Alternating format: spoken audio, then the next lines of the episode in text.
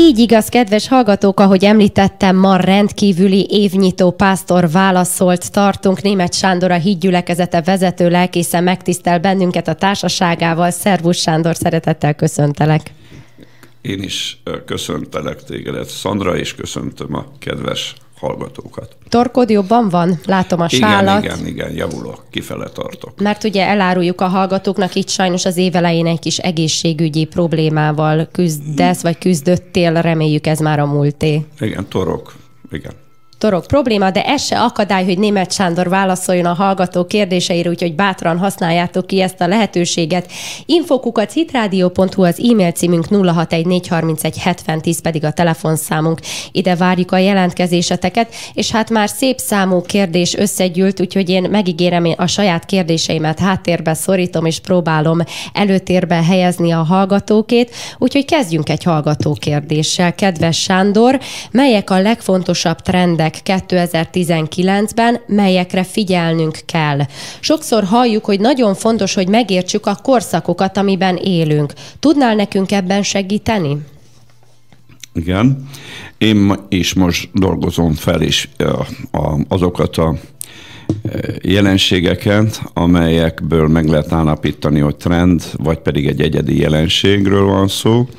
Azt gondolom, hogy azért már vannak olyan trendek, amikből lehet látni, hogy körülbelül 2019-es évben miről fog szólni a közélet is, meg hát főleg minket elsősorban a spirituális aspektusa érdekel a közéletnek is, meg hát az egyházi élet is természetesen nagyon fontos számunkra.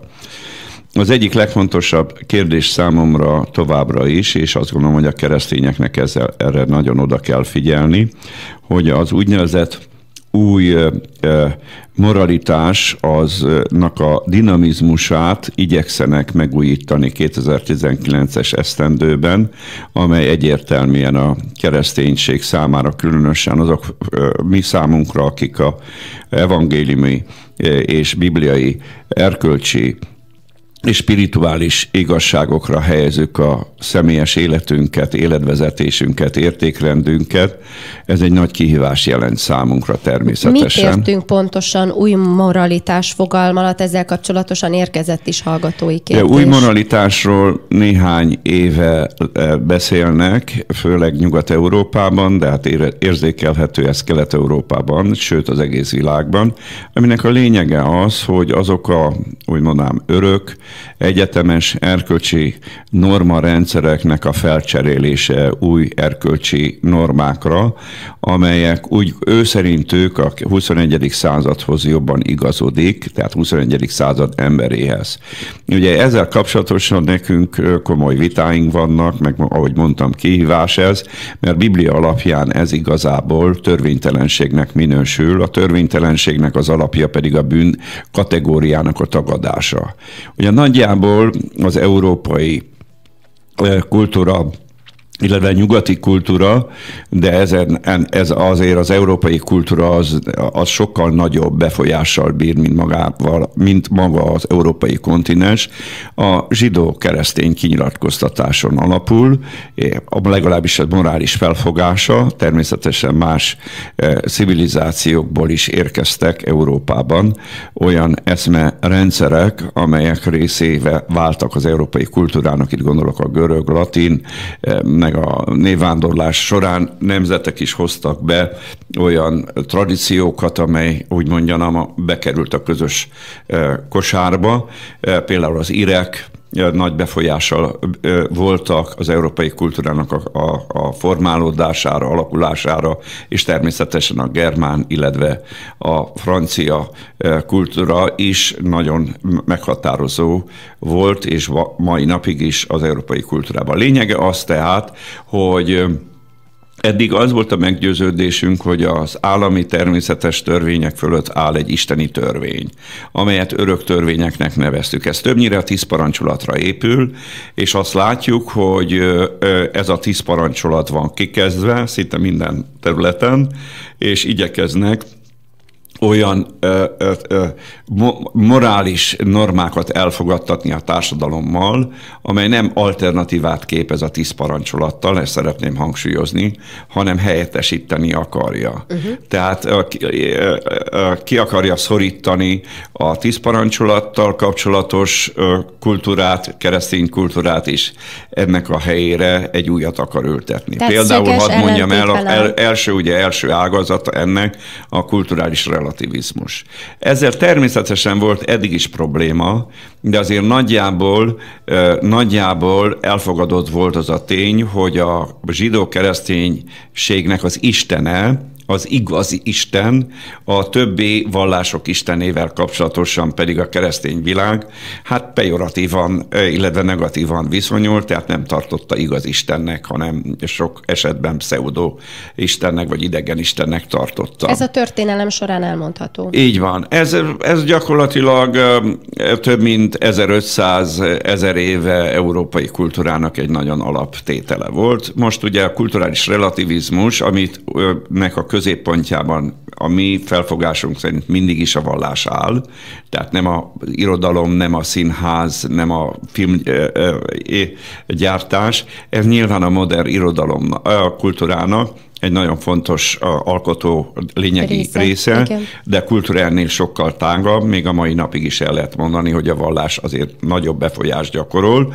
mint ami, ahogy azt ma feltételezik.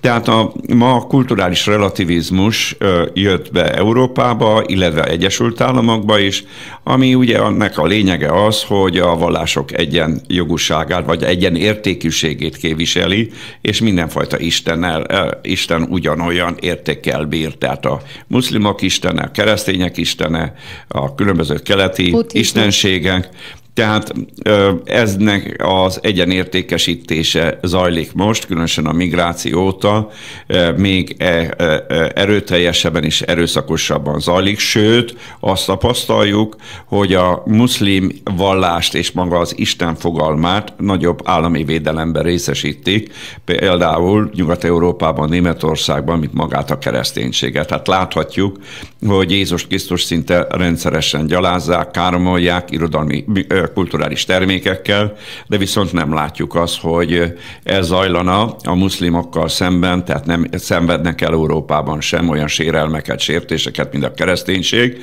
és azért nem, mert az állam beavatkozik és gyűlöletbeszédnek nyilvánítja, és elindít eljárásokat olyan személyekkel szemben, akik eh, kritika, eh, sokszor reális kritikákat fogalmaznak meg a muszlim vallásról szemben. Igen. Tehát ez az egyik része. A uh-huh. másik része a morális része, és elsősorban a morális részénél a házasság, család és a nemi identitással kapcsolatos állítások, a modern normák szerepelnek itt előtérben, például ugye a melegházasság, akkor a, a genderizmus, ugye az interszexuális dolgok, amiben nagyon sok nemi identitást alakítottak ki mesterségesen, és ezt továbbra is propagálják. Itt is ugyanazt látjuk, hogy a hagyományos, természetes, normális eh, nem identitással, vagy családdal, házassággal kapcsolatosan ezeket az új dolgokat tolják, szó szerint, és egyben azonnal jogszabályok védelme alá is igyekeznek helyezni, és szankcionálni azokat, akikkel ezekkel kapcsolatosan megfogalmaznak fenntartásokat. Uh-huh. És ezt a szinte az elmúlt években a társadalomnak minden szintén lehetett ezt érzékel érzékelni a nyugati társadalomban, Egyesült Államokban. Tehát ezek nem csökkennek, továbbra is nyomják ezt, és az, ezen kívül ugye itt van egy újabb dolog, ami érinti szerintem a, a morális kérdéseket is, a gazdasági pénzügyi rendszernek az átalakítása, tehát magának a pénznek az átalakítása, amely véleményem szerint a, előbb-utóbb érni, érinteni fogja a magántulajdonnak a, úgymond a régi keresztény zsidó felfogása szerinti szentségét. Uh-huh, uh-huh. Tehát, hogy van egy magántulajdon, amelyben a maga a régi polgári identitás valósult meg, és a polgári identitásnak a hordozója, tehát hogy a rendszerekkel szemben az egyénnek az, a, a, van egy ön, relatíve önállósága. Uh-huh. Tehát ennek a felszámolását is, is látjuk a különböző rendszerépítésekkel. Akkor uh-huh. itt van a nemzeti identitás, a maga a határkérdésig, ezek is összefüggésben vannak természetesen a tulajdon jog érvényesülésével, mert hogyha például egy magánházat mondjuk körbe lehet venni fallal, de egy nemzetnek a határát nem, le, nem, lehet. nem lehet fallal építeni. Hát ezek, ezek az ellentmondásokat látjuk most, hogy milyen szenvedélyes vitákat váltanak ki, például jelen pillanatban Egyesült Államokban. Igen. Tehát erre utalok, hogy ez nem fog csökkenni, ezt továbbra is dinamizálni akarják, és a keresztényeknek nagyon erőteljesen erkölcsi alapokon kell állni. Akkor itt van ezzel kapcsolatosan olyan probléma még, még, hogy ugye megígérték a, például a német püspöki karnak az elnöke, Mars püspök, uh-huh. hogy ősszel egy reform cunami fog elindulni, aminek a lényege az, hogy a katolikus egyház nagyon sok morális normát föl fog adni, és igazodni fog a 21. századi ezekhez a dillekhez, az új moralitáshoz, mert szerintük a világnak a szekularizációja visszafordíthatatlan, végleges, feleslegesnek minősítették, és ahhoz, hogy a, a, a nagy tömegegyházak, világegyházak meg tudják őrizni a tömegre gyakorolt befolyását, ezért ők feladják azokat a több évezredes erkölcsi normákat, amit eddig kiviseltek, és próbálnak igazodni. Például a, mai korhoz. Például a házasság előtti szexualitást el fogják fogadni, mele, úgy, úgy tűnik, Igen, erről van a vita, a melegházasságot megáldják, sőt, még toleránsak lesznek a házasságban élőknek a házasságon kívüli szexuális kapcsolatára is, és sorolhatnám tovább, és nyilván a transzexualitás is ugyanez ehhez tartozik, tehát nagyon nagy változások zajlanak már most, és úgy tűnik, hogy az évnek a második részében még erőteljesebb uh-huh. lesz. Azon kívül kilátásba helyezték, ez igazából csak 20 20, 2020-ban lesz aktuális, hogy egy vallási koalíció jön létre a világegyházak között. Ennek az előkészítése is zajlik. Muszlim, judaizmus, kereszténység és a keleti vallások képviselői igyekeznek aláírni egy olyan barátsági szerződést, amely hát tulajdonképpen az evangelizálásról mondanak le, hogy egymást fele nem térítenek. Nyilván a katolikusok, meg a, akik ezt aláírják, az be fogják tartani valószínű, de azt tudjuk nagyon jól, hogy az iszlámnak egy régi történelmi jellemzője, hogy nagyon sok szerződést aláír, de szinte minden szerződést megszegett. Igen, meg nyilvánvalóan ebből a nagy koalícióból az evangéliumi keresztények kimaradnak, nem? Hát nem teljesen. Tehát a, legalábbis az információm szerint megosztotta az evangéliumi kereszténység, zajlanak tárgyalások Vatikán és a, a, vilá, a Pünkösdi Egyház legfőbb vezetése között ezen a területen. Tehát azt gondolom, hogy hogy a vonalak nem felekezett, tehát a törésvonalak nem csak felekezeti határok között fog létrejönni, hanem felekezeteken belül is. Például ugye katolikus egyházon belül is legalább úgy látom én, hogy legalább három pont fele polarizálódik a katolikus egyház, az egyik a liberális, a másik a hagyományos katolikus tradicionális dogmákhoz ragaszkodik, és van egy harmadik, amely az evangélium fele fordulnak például.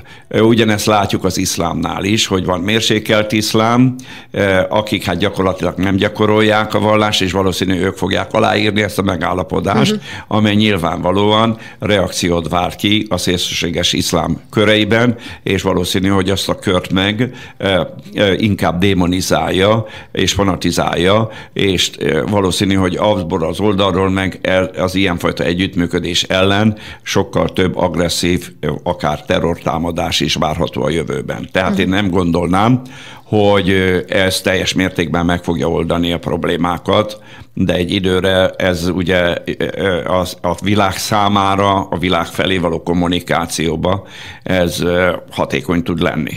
Hát most, amiket így felvázoltál, úgy fest, mint hogyha tényleg itt a szemünk előtt épülne az antikrisztusi rendszer, tehát hogy az, az lehet, hogy jöjjön el a nagy megbékülés Hát még nem, ne, el sem mondtam, akkor hadd mondjak még valamit, hogy, hogy az iszlám államok koalíciója is ugye 2017-ben elkezdődött Isztambulba egy olyan konferencia, amely 2023-ban létre akarja hozni az iszlám országoknak a, a, a konfederációját, amely e, e, ugye hát a konfederáció az ne, ne keverjük össze a föderációval, tehát nem teljes egységet jelent, tehát viszonylagos megőrizhetik a tagországok a, a, önná, a viszonylagos önállóságukat, és, és nem lesz kényszerítés, a, hogy senki részéről, hogy lépjenek be ebbe a úgymond kosárba, és ennek a vezetője Törökország. 2023-ban igyeke, el fogják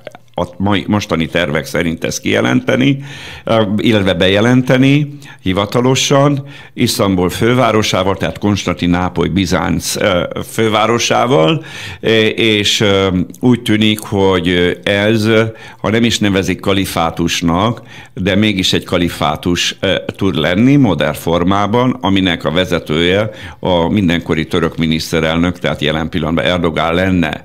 És ez ugye azért érdekes, mert 1920 1923-ban szült meg a kalif- kalifátus, és annak a századik évfordulójára akarják ezt helyre állítani.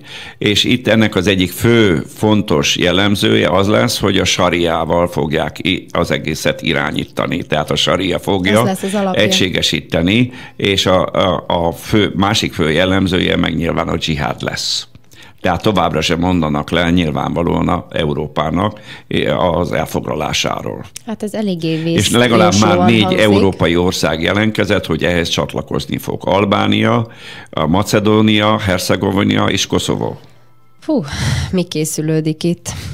Hát ennyi információ után tényleg az egyes dolgokról részletesen is lehetne beszélni, de akkor hadd kérdezzek bele még ebbe a katolikus változásokba, amit mondtál, tehát hogy a német püspök Marx bejelentette. Bíboros. Vagy bíboros bejelentette. Tehát a püspöki kar elnöke. A püspöki kar elnöke, de ők ezt De van vita, tehát azt szeretném mondani, hogy azért a katolikus kérdezni, egyházon belül nagy vita van. Ez csak nem nyeli be mindenki ezeket a változásokat? Hát ugye vannak olyan előrejelzések, például Malakiás proféciának mondott előrejelzésekre is utalok, de most is mondanak mindenfajta jövendő mondási attitűd nélkül, csupán az elemzésből, hogy hát ez drámaian, ha erre sor kerül, ez nagyon drámai megosztás hozott lét, hol fog létrehozni a katolikus egyházban, de ők ugye arra számítanak, számítanak arra, hogy megosztáshoz létre, de mégis azt gondolják, hogy többet nyernek, mint veszítenek vele. Uh-huh. És ez például a teljes evangéliumi kereszténység szemszögéből nézve pozitív fordulat lehet, tehát tisztulhat az egyház? Egy ilyen fordulattól? Hát bizonyos egyházak számára nyilvánvalóan a tisztállátást elő fogja segíteni, mert amiről beszélek, ezt a bibliai forgatókönyvnek a hitelességét bizonyítani fogja, és nagyon sokan nyilvánvalóan Isten fele fognak fordulni, mert látják, hogy az idő kevés, és bízok benne, hogy nagyon sokan ebből nagyon jó, pozitív következtetéseket vonnak le, és a személyes közösségüket megerősítik az Úrban, megújítják az ima életüket, szolgálatukat, és biztos vagyok benne, nagyon sok gyülekezet dinamiz, dinamikussá fog válni, és be fogják tölteni az Úrnak a a, a, a akaratát, hogy az evangéliumot, Isten országának az evangéliumát hirdessék még hatékonyabban. Tehát uh-huh. azt gondolom, hogy lesz egy ilyen következmény, pozitív következménye, hogy meg fog újulni még jobban, az evangélium hirdetése, és például ilyen ö, ö, fórumokon, mint a Hitrádion, meg másokon keresztül sokkal bátrabban fognak beszélni a hívők, ö, keresztények, ö, nem csak pásztorok, újságírók, gondolkodók a, a Bibliáról, Istenek a beszédéről, tehát mindenféleképpen ö, intellektuálisan, szellemi szempontból, erkölcsi szempontból is én ö, várok pozitív ettől egy pozitív vársz. Igen, pozitív változást. Ja, ezt jó hallani. De ugyanakkor lesznek negatívak is nyilvánvalóan, több lesz a veszekedés, több, több apologetikára van szükség, mert nyilvánvalóan nagyon sok olyan keresztény is van a teljes evangéliumi keresztény egyházakban, akik ezeket a világtrendeket nem helyesen értelmezik, vagy egyszerűen bedugták a fejüket a homokba, nem akarnak semmit se észrevenni. Uh-huh. Most még az első kérdéshez visszautalva, tehát fölvázoltál trendeket, illetve milyen fontos események, változások előtt állhat a, a világ, azért sok minden még nem biztos, hogy megvalósul, de lehetséges. Szóval, ha egy keresztény hallja ezeket az információkat, mit kezdjünk vele? Nehéz összerakni a képeket, hogy akkor most mi, mit jelent, hova tart a világ? Tehát, hogy... hát, hát, nyilvánvalóan a, a kereszténységek, a keresztények csak akkor fogják tudni megérteni, hogyha a spirituális természetről szempontból nézik a, ezeket a jelenségeket. Ugye mi csak egy-kettőt emeltünk ki, hát ezen kívül még sok van, mert beszélhetnénk, ami szintén még moralitással összefüggésben van, a technológiai forradalomról, a technológiának az erejéről. Ez is az a, új moralitás része? Igen, mert az már erkölcsi kérdés, hogy például a, a genetikai manipuláció manipuláció. Tehát a genetikai kísérletekben a tudomány meddig mehet el? Most még Hol kezdődik az erköstelenség? Uh-huh. Most ugye még jelen pillanatban nagyon sok kormány korlátozza de ugye látható, hogy erőteljesen, er, erőteljesebb a, a nyomásgyakorlás ezen a területen is. Akkor itt vannak a technológiai újdonságok, akár az űrkutatás, űrversenyben is látjuk, hogy egy új fejezet indul el Igen. 2019-ben. Ezen kívül ugye a robotika, itt van a, a, a szintén a mesterséges intelligenciával rendelkező robotoknak az előgyártása. Itt is ugye szükséges, hogy kormányok korlátozzák, szabályozzák, mert az emberi méltóságot sérthetik és elnyomhatják az emberiséget a intellektuális robotok, és ezért a társadalmi kontrollnak érvényesülnie kell, és nyilvánvalóan ezt kellene megvalósítani a parlamenteknek törvényalkotás formájában, illetve a nyilvánosság által, a média által, hogy felhívják a figyelmet arra, hogy ennek milyen veszélyei vannak. Akkor a készpénznek a kivonása szintén morális kérdés, a, a kontroll az egy a morális kérdés is, mert a kontroll az mit jelent valójában az ember személyiségének az elnyomását jelenti. De nem tudsz olyan szabad lenni, még akkor se, hogyha nem csinál semmi rosszat, de állandóan megfigyelés alatt tartanak. Igen. Ez a magatartásodba beépül, uh-huh. és kiépít benned egy olyan megfelelési kényszerérzést, hogy soha életben nem fog szabadon viselkedni. Uh-huh mert mindig tudod, hogy a Big Brother néz, Figyel. vagy a hatalom néz. És ott van kéznél, Így van. ami a technikája adott. És sajnos ma az emberek dalolva működnek közre a teljes kontrollnak a képítéséhez, és az ad a, a meglepő számomra is, hogy még nyugati államokban, társadalmakban óriási vita van, de látjuk, hogy a Kína az elmúlt tíz év alatt olyan eredményeket ért el, mert nincs társadalmi kontroll, tehát ott nincs moralitás. Ott parancsszóra. Gondolom. Ott valaki kiadja az engedélyt, és ez megvalósul. Ezért elképesztő az elmúlt években, hogy ilyen a területen Kínában milyen változások vannak, és az a félő, hogy ilyen országok, mint Magyarországok, és, és még mondhatnék egy-két országot, aki ugye háborúságban áll a nyugati világgal, hogy ezeket a, a kínai új, új, újításokat előbb átveszi, és nem folytatódik le a társadalomban az az éles vita a kontroller szemben, aminek le kellene, le kellene hogy, hogy folytatódjon, mert az embereket tájékoztatni kell, hogy a, a készpénznek a kivonása milyen csapdákat és veszélyeket rejt számukra. Mm. És az a tapasztalat, hogy nyugati társadalmakban a szakemberek óvatosabbak most, mert látják a veszélyét, de viszont az átlag emberek sokkal vakmerőbbek, és mert a kényelem... Hát meg már olyan függővé vált. A függőség meg a kényelem sajnos. szeretet. Igen. Hogy egy gombnyomás, három nyomás, és már is könnyedén mehetek be az áruházba, hozhatom ki az árut, vagy a szolgáltatásból részesülhetek.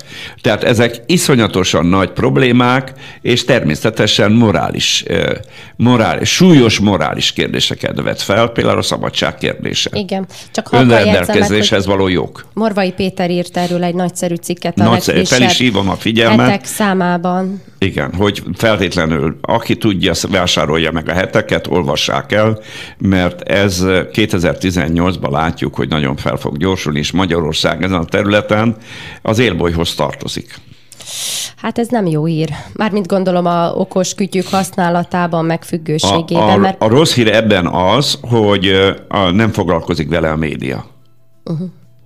És nem beszélnek arról, nem tárják föl a, a széles társadalom előtt az, hogy ennek milyen csapdái, milyen csapdái vannak. Uh-huh. De egyébként Magyarországon lehet látni konkrét törekvéseket, akár a jegybank részéről, vagy pénzügyi intézetek részéről? Erről szól a cég, igen, van. A, tehát meg vannak, készülnek a tanulmányok, kutatások, stb., de el kell, hogy mondjam, hogy sokszor ebben, a, ezekben a tanulmányokban vannak ellenvetések is, tehát aggályok is, de újra mondom, hogy azért kellene populárisabbá tenni ezeket a kérdéseket. Uh-huh. Meg vitázni róla. Mert, mert az szokott lenni, hogy a szakemberek elmondják az elején, hogy milyen aggályék vannak, de végül mégis átmegy a rendszeren, és utána tudnak hivatkozni, hiszen megbeszéltük, volt vita róla.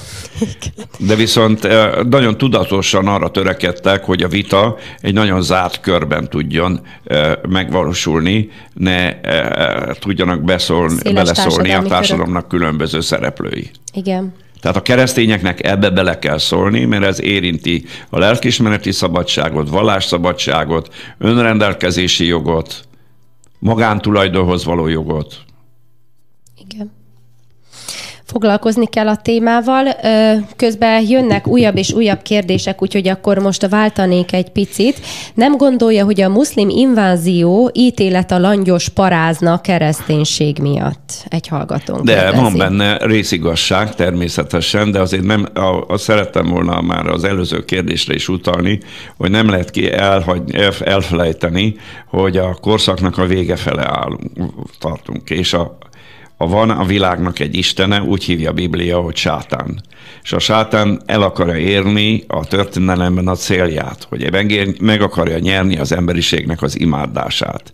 Ezért a sátán azon van, hogy bizonyos negatív világfolyamatokat felgyorsítson. Például a törvénytelenséget, amit új moralitásnak nevezünk, e, vagy pedig például a készpénznek a kivonását, a gazdasági pénzügyi rendszer átalakítását és e, centralizálását, és a, bankok hatalmának tulajdonképpen megtörését is, mert egy új rendszerben nem tudom, még számomra is nagy kérdés, hogy a hagyományos e, pénzügyi intézmények és azoknak a tekintélye hogy fog átmenekülni, megmenekülni. Én azt látom, hogy előbb-utóbb a politikai hatalom meg fogja fogja szerezni a Deep State-nek is a hatalmát. Hm. Hát azt már most is látni, hogy a fiókok sorra zárnak be.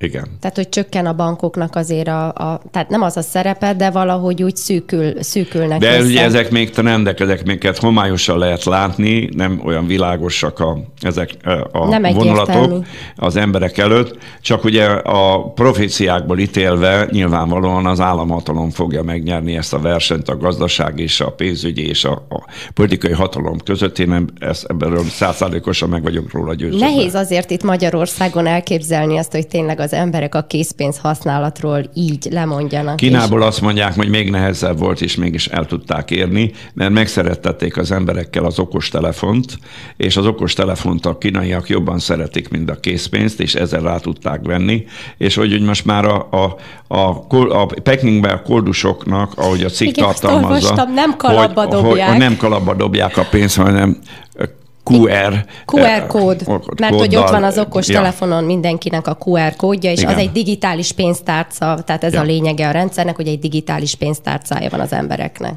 Ja. Ez időben minél előbb be kell szerezni mindenkinek egy általános információt. Azt hittem az okos telefon. Nem, az általános információt erről a rendszerről, mert ez egy nagy csapda, csapda, csapdát fog jelenteni a jövőben. Nyilván most ez egy érdekes, izgalmat hoz, minden felfedezés ugye izgalmat vált ki, és általában a felfedezések eufóriával töltik el az embereket, aztán utána néhány év múlva rádöbbennek arra, hogy milyen csapda volt. Így volt ez az atomnak a felfedezésével is, aztán amikor az első atombombát felrobbantották, 1945-ben az emberiség akkor jött rá, hogy a 20. századi fizikának a, a forradalma, ennek mi a következménye. Uh-huh.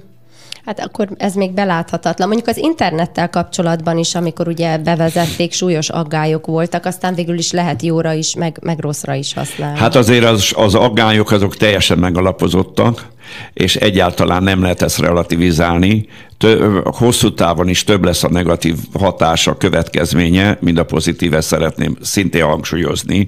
Tehát e, a másik dolog, amit szeretnék meg e, elmondani, hogy ezek a dolgok, amikről beszélünk, ezek az új, újítások, ezek ugye a fiatalokat azért tudják e, megnyerni, és a, a támogatóként, és szinte szenvedélyes támogatóivá válnak, mert úgymond ez a 21 21. század. De Isten szerelmére az Úr nevében ha, könyörgöm, hogy az idő az nem okoz fejlődést. Tehát az, hogy most 21. század, vagy 20. század, vagy 19. század, ez nem minőségjelzés, ez egy idő folyamnak a, a, a, a a jele semmiféleképpen nem a minőségnek a jele.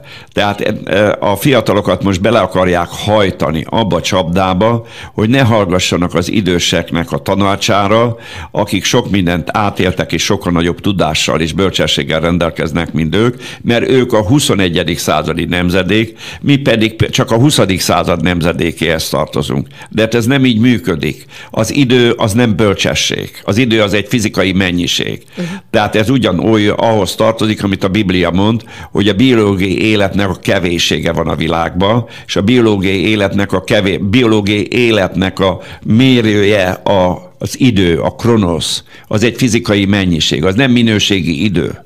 Tehát a fiataloknak ezt kellene megérteni, az, hogy 21. században születtek, vagy, vagy millenomi nemzedék, az nem jelent minőséget. Sőt, sőt, azzal, hogy ezt elhiszik, üres fejűek lesznek, büszkék lesznek, kevélyek lesznek, és nagyon tapasztalt emberekre nem hallgatnak, akik már a múltban olyan bölcsességgel rendelkeztek, amelyek időt, kiderült, hogy időtálló. Uh-huh. Ki tudtak lépni az időből. És történelem tele van ilyennel. Hát a Biblia tele van ilyen személyekkel, a proféták ilyenek, a patriarkák ilyenek, és különösen Jézus Krisztus, de az apostolok is ilyenek, és nagyon sok szent ember élt az elmúlt évszázadokban, érvényes megállapításokat tettek, és ma is nagyon sokan úgy nézik a jövőt, hogy a múltat feldolgozzák.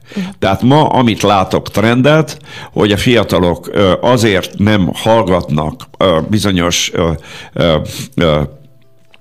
intelmekre, amelyek nagyon fontosak lenne számára, mert ők 21. századi nemzedék. Ugye ezt látjuk politikában is, tüntetésnél is.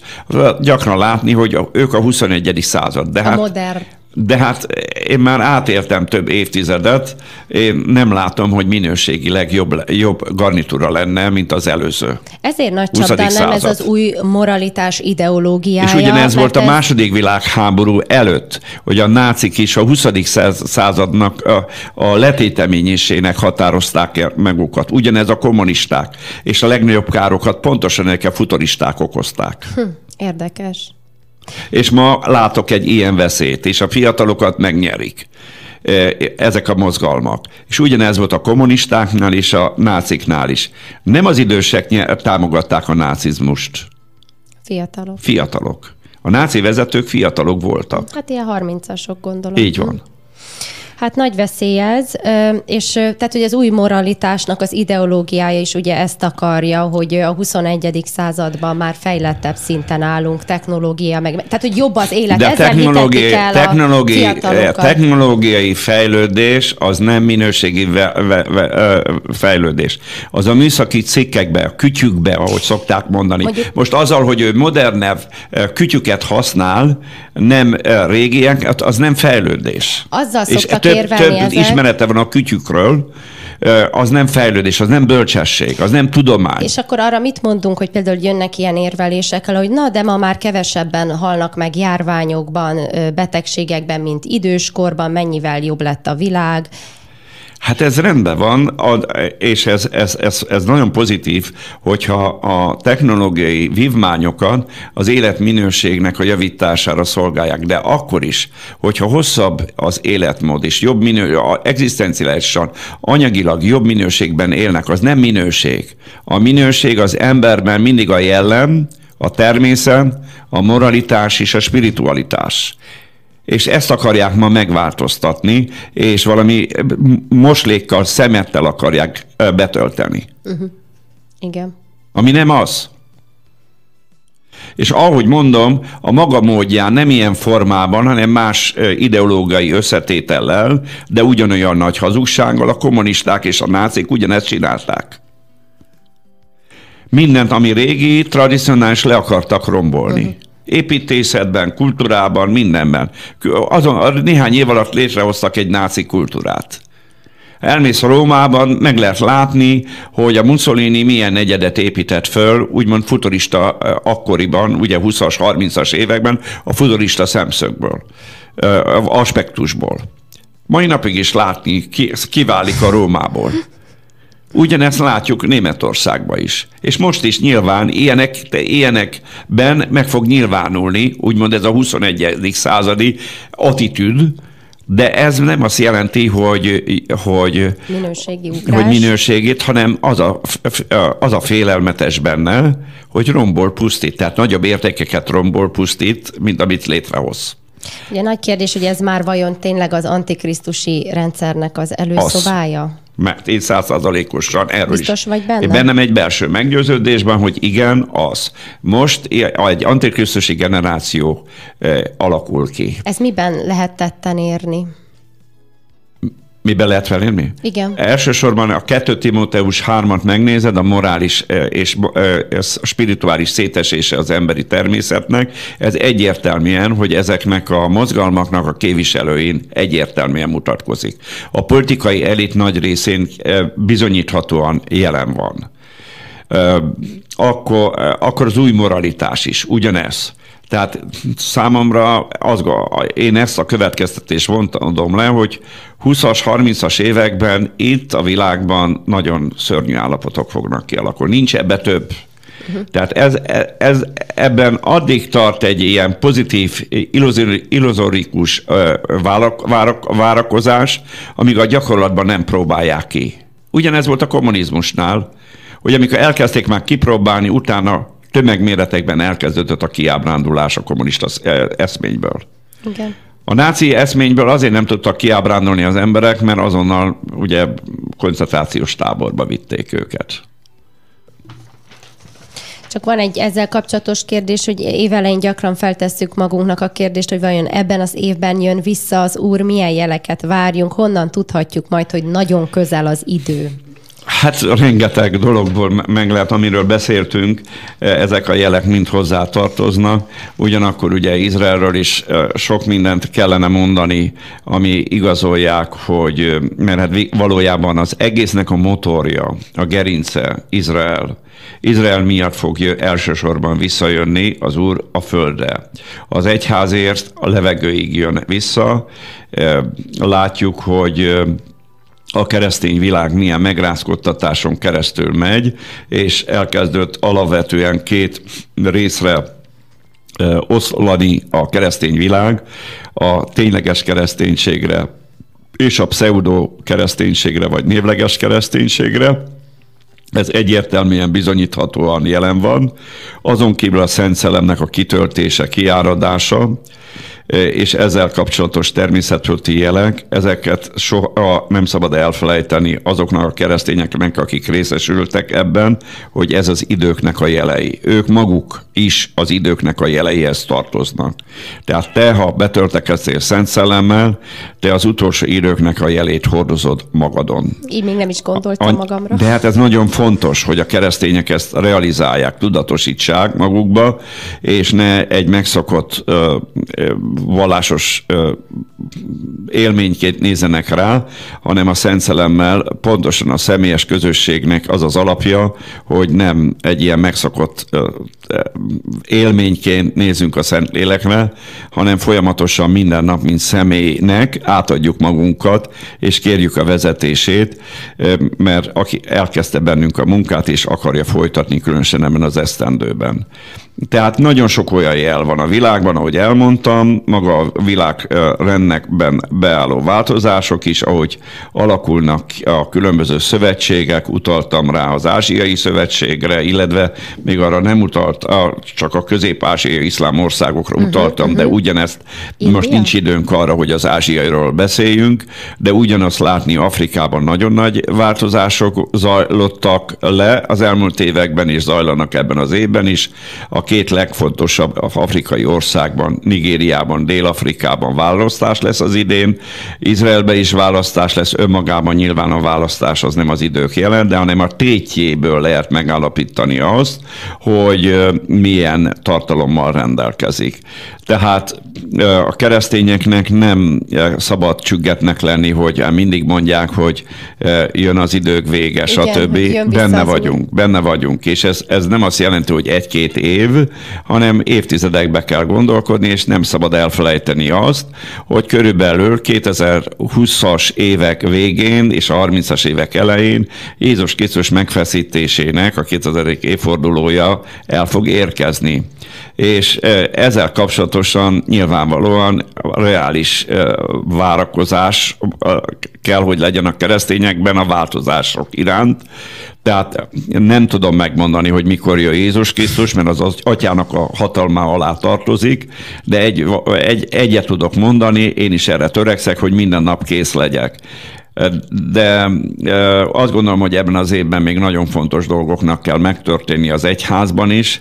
Én azért imádkozok, hogy Isten adjon kegyelmi időt, hosszabbítsuk me, hosszabbítsa meg számunkra a kegyelmi időt, hogy a családunkat, otthonunkat, magánéletünket, gyülekezet, közösség életét, szolgálatát úgy tudjuk megújítani, hogy amikor visszajön az Úr, akkor ne alva találjon bennünket, és ne részegen, ahogy a Biblia mondja, már nem alkoholizálásra gondolok csak, hanem ilyen álomra, kómás mámoros állapotban, mámorságban. Nem azt mondja, Isten igen, kelj fel ki aluszol, és fölragyog neked a Krisztus. Amen.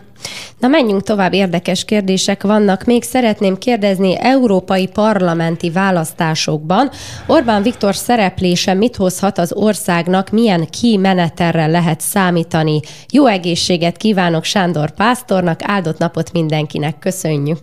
Köszönöm szépen!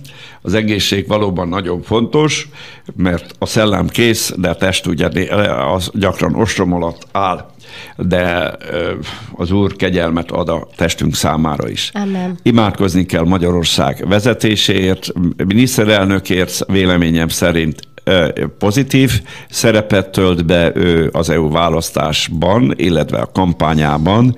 Olyan irányvonalat képvisel, ami a keresztény céloknak, egyház céljainak, keresztény érdekeknek megfelel, sőt azt kell, hogy mondjam, szerintem annak ellenére, hogy sokan ezt nem fogadják el, hogy a zsidó közösségeknek az érdekeivel is megfelel, mert a zsidó közösségnek is az az érdeke, hogy Európában ne növekedjen az antiszemitizmus, ne növekedjen az anticionizmus, és látható módon a, a migráns tömegeknek a báramlásával párhuzamosan nő Nyugat-Európában a zsidósággal szembeni atrocitások, támadások, antiszemita bűncselekmények száma nagyon megnőtt Angliában, Németországban, Franciaországban, Franciaországban és egyre több olyan ö, zsidó emberről lehet hallani, akik nagyon fontolgatják, hogy elhagyják Európát és véglegesen letelepednek ö, Izraelbe, vagy elmennek már olyan országokba, ahol ez a közvetlen fenyegetettség még nincsen meg, és az elmúlt években több ezer zsidó már elhagyta Angliát is, Franciaországot is.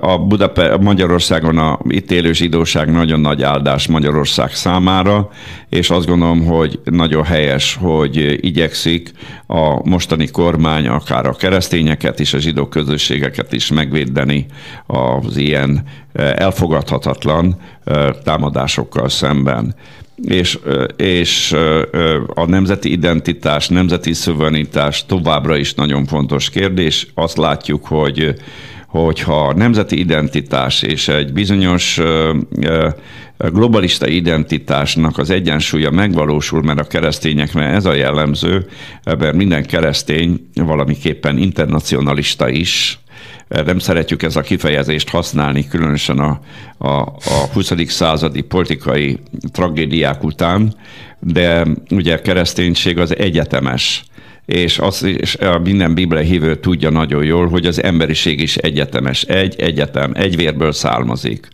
és ne, mi nem fajokba gondolkodunk. Mi ugyanolyan egyenértékű embereknek tartjuk a, a feketéket, sárgákat, minden etnikai hovatartozástól függetlenül. De, de viszont a kultúrát nem. Tehát a kultúrában, mivel hogy a kultúrát nagyon is meghatározza a vallás, vallási világkép, természetfölöttitől alkotott kép, felfogások nagyon meghatározzák, és jelen benne vannak a, a kultúrában, ezért a kultúrák nem tudnak egy, egyenértékűek lenni.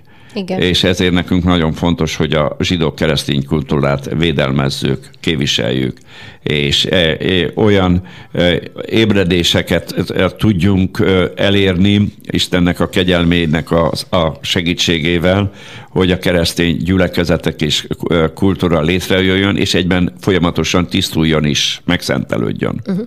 De akkor mondhatjuk, hogy ezért a mostani Európa parlamenti választásoknak van egy ilyen fontos tétje a kereszténység szemszögéből, mert ha megerősödik a zöld párti, balliberális oldala az Európai Parlamentben, az ugye az anticionizmust, az antiszemitizmus. Anticionizmus meg keresztény gyűlölő. Igen, tehát... Hogy... Tehát egyértelműen bizonyíthatóan. Tehát az a probléma, hogy némely ember nem akarja tudomásul venni, mert olyan előítéletesen, előítéletesen gondolkodnak. Az előítélet az, hogy engemet akkor is az a véleményem, amit kialakítottam, a tények, ha, engem, és a, a, a, ha tényekkel szembesítenek. A tények engemet nem zavarnak. Tehát ez az előítéletnek a lényege. És sajnálatos módon még a keresztények között is találkoztam ilyen emberekkel az elmúlt években, egyszerűen a tényeket tényeket elutasítja, nem engedi, hogy megzavarja az ő világ nézetét, felfogását, véleményét. Pedig kell, hogy a véleményünket megzavarja a tények, mert a tények elismerésével állandóan alakítani, formálni kell a véleményünket és a nézetünket. Uh-huh meg talán, hogy így a liberalizmus fogalmát sok keresztény így nem, nem gondolja újra, nem? Tehát, hogy leragadtak azban a 90-es évek szintjén, hogy akkor mit jelentett. Ők tényleg, akik ezt mondják, nem a 21. században élnek, hogy az a liberalizmus, amire gondolnak, az, az nem, nem létezik. Az. A régen elnök már a 80-as években mondott egy nagyon érdekes mondatot. Azt mondta, hogy ha Egyesült Államokban megérkezik a fasizmus, az mindenféleképpen a liberalizmus formájában fog eljönni. Ó, érdekes. Ezt nem is hallottam. Na de akkor visszatérve a hallgató kérdésére, nagy tétje van, és milyen szereplést vársz a magyar, magyar részről az Európa parlamenti választások során szerinted? Ugye megint arról lehet hallani a hírekben, hogy hó végén Magyarországot előveszi az Európa Parlament, pellengére állítják, tárgyalják. Hogy... Na és? Hát ezért, ez ezért kell, ezért rossz ez a rendszer. Hát mert, mert hát ki, ki hatalmazta fel őket ar, arra, hogy állandóan mindegy tanárbácsi és a kis nebulóját állandóan kipelengérezze. Hát a nemzeti egyenlőséget kellene, az egyenlőséget, ha már a liberális eszméknél vagyunk, az a nemzetközi viszonylatban is kellene érvényesíteni, és tiszteletbe kell tartani a nemzeteknek a szuverenitását, és egy adott nemzetben élő polgároknak a választási szabadságát. És amilyen döntést hoznak, azt is tiszteletbe kellene tartani.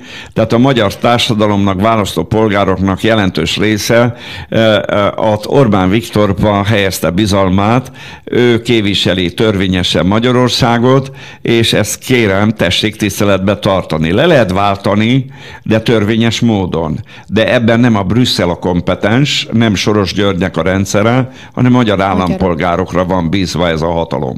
Erről szól a demokrácia. És ha a választásokon mondjuk megerősödne a jobb oldal, akkor várható pozitív fordulat az Európai Unió politikájában? Nem. Nem? Miért nem? Azért, mert ha jobb oldal alatt a német jobb oldalt érted, mert az a legerősebb Európában, Igen. meg bizonyos más európai országok jobb oldalát, amely gyakorlatilag liberalizmus, akkor semmiféleképpen Európának szép jövője nem lesz. Az, az lenne szép, hogyha a harmadik vonal alternatív csoport, akiket szélső jobbosoknak mondanak, Orbánnak, jaj. Salvini és ezek a pártok erősödnének meg. De ennek nincs realitása. De. Van? Persze, hogy van. De akkor ez meg nem egyezne a proféciákkal, hogy milyen irányba kéne, hogy menjen de, a világ, de, de, nem? De, de, de, de, de, de, de, de. Hogyan? Hát úgy, hogy tíz király maradjon meg tíz királynak, a többi meg, meg, meg maradjon meg a nagyobb szabadsága, a mozgástere. Na, ez nekem magas.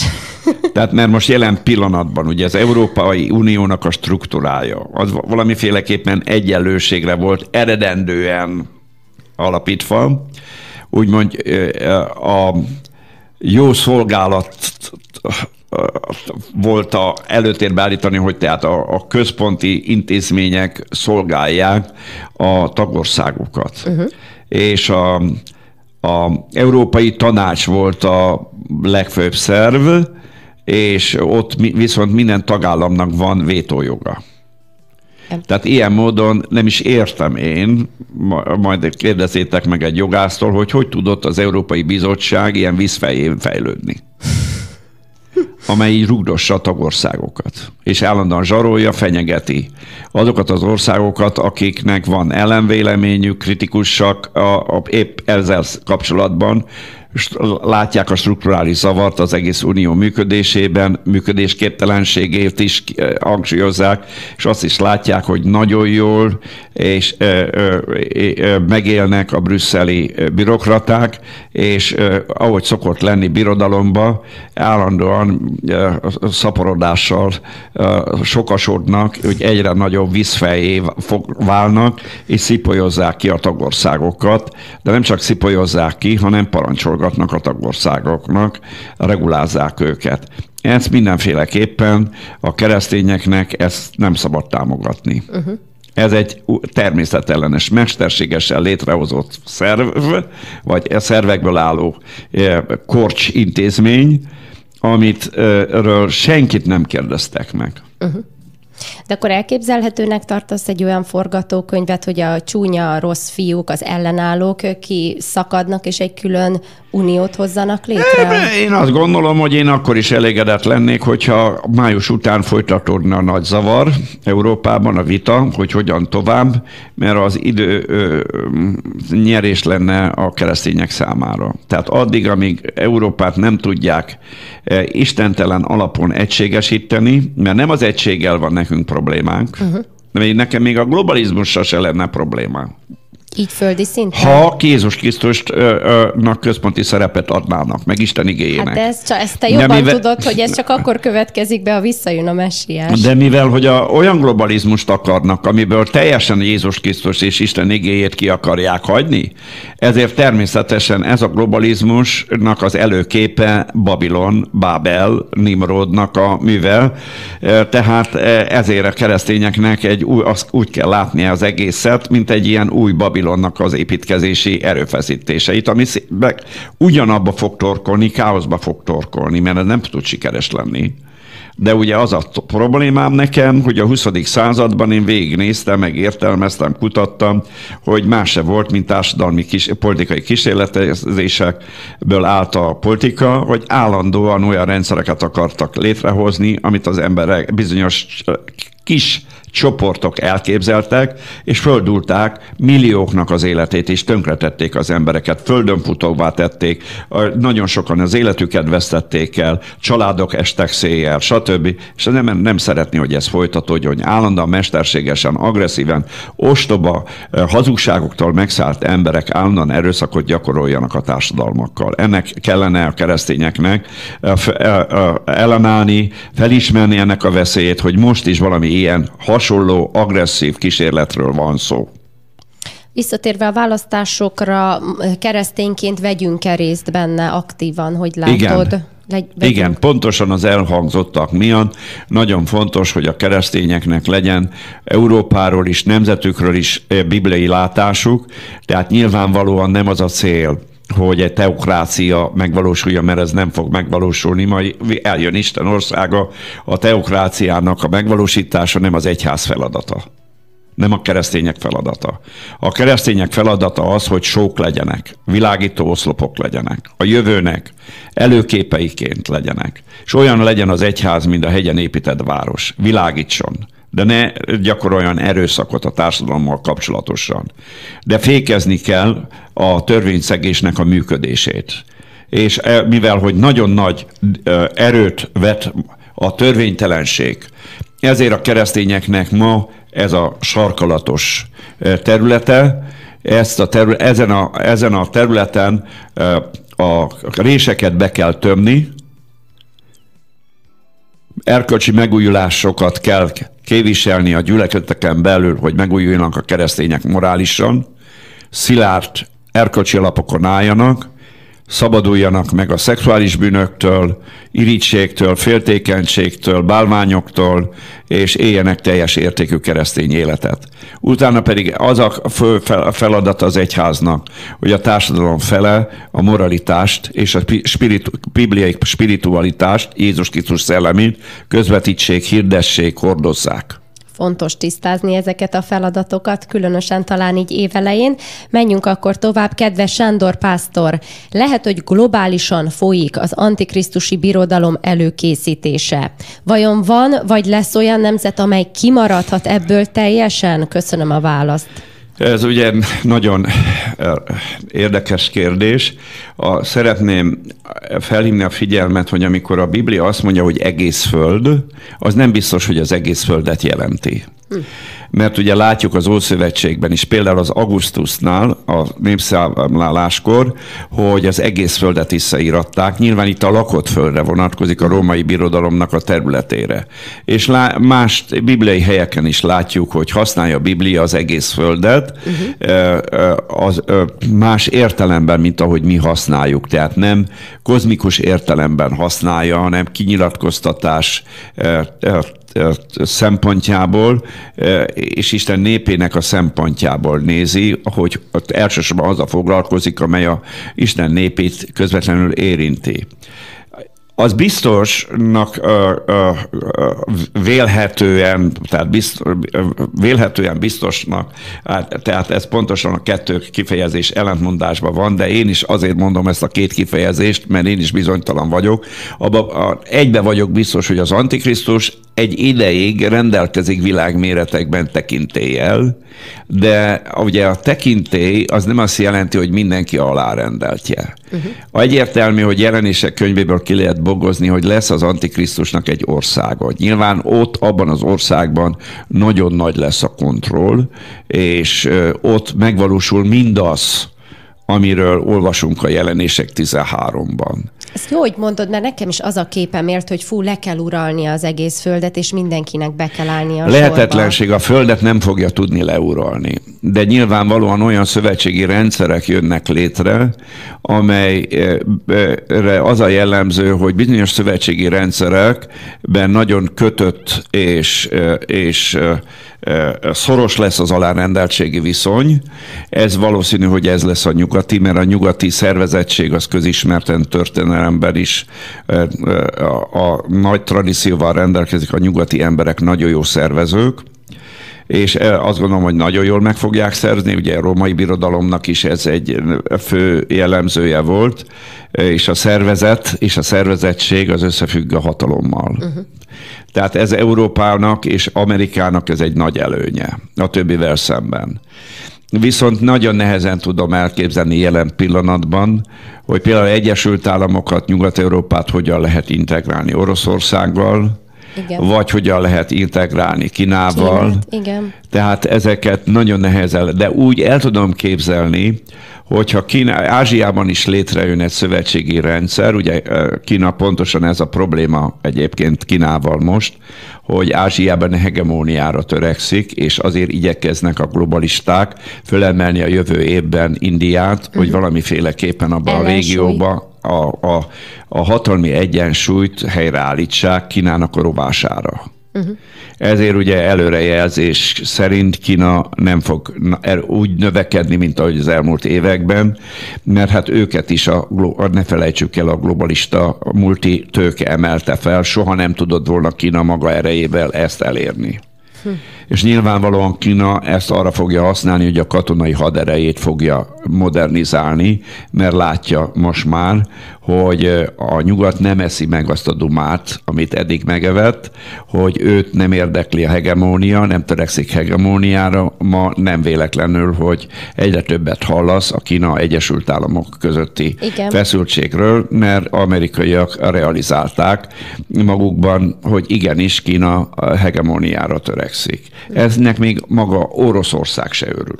Hm, hát igen, lehet Mert ott is a jövőben ebből konfliktusok származhatnak. Tehát nagyon bonyolult a világpolitika, mm. tehát nem nehéz elképzelni, újra mondom, hogy egy ilyen olyan fajta egység alakuljon ki, hogy azonosságon alapuljon. Tehát Előfordul, hogy ilyen szövetségi rendszerek összekapcsolódnak egymással, és valamilyen, ami most működik, most nem tudom, hogyan mondják, G7-nek, vagy G20 különböző... is van, meg... Igen, igen. G7. Tehát ilyen módon ezek az intézmények biztos, hogy a jövőben fognak működni. Akkor nagy ö, probléma ugye az ENSZ, ami hát tarthatatlan a mostani állapotában, mert hát gyakorlatilag az ENSZ-et átvették a harmadik világhoz tartozó népes országok. Tehát ők irányítják az ENSZ-et. Ez nyilvánvalóan nem, nem elfogadható. Igen. Tehát e, nyilván, hogy valami a, a világrendet megjelenítő új struktúrára van szükség. Uh-huh, uh-huh. És nyilván például itt van Németország Amerika ellentéte.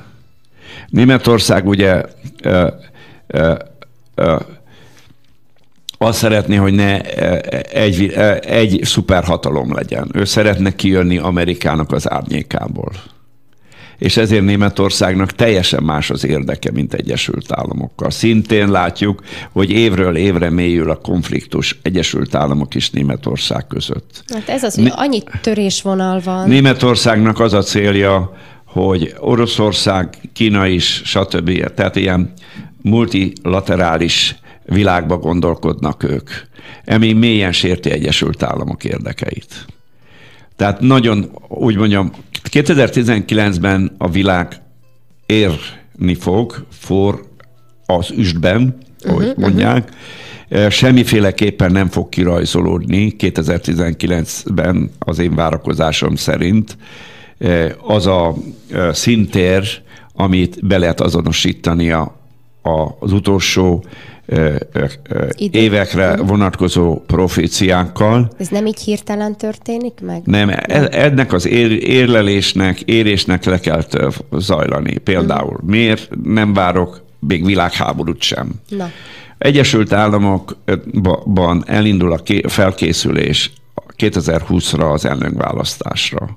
Amerika ezt messze menőkig figyelembe fogja venni a nemzetközi Eh, politikában való szerepvállalásában. Európa ugye válasz úton van, előtt áll, május után is fog folytatni a vihar, vita, lehet, hogy sokkal intenzívebb lesz, mint most.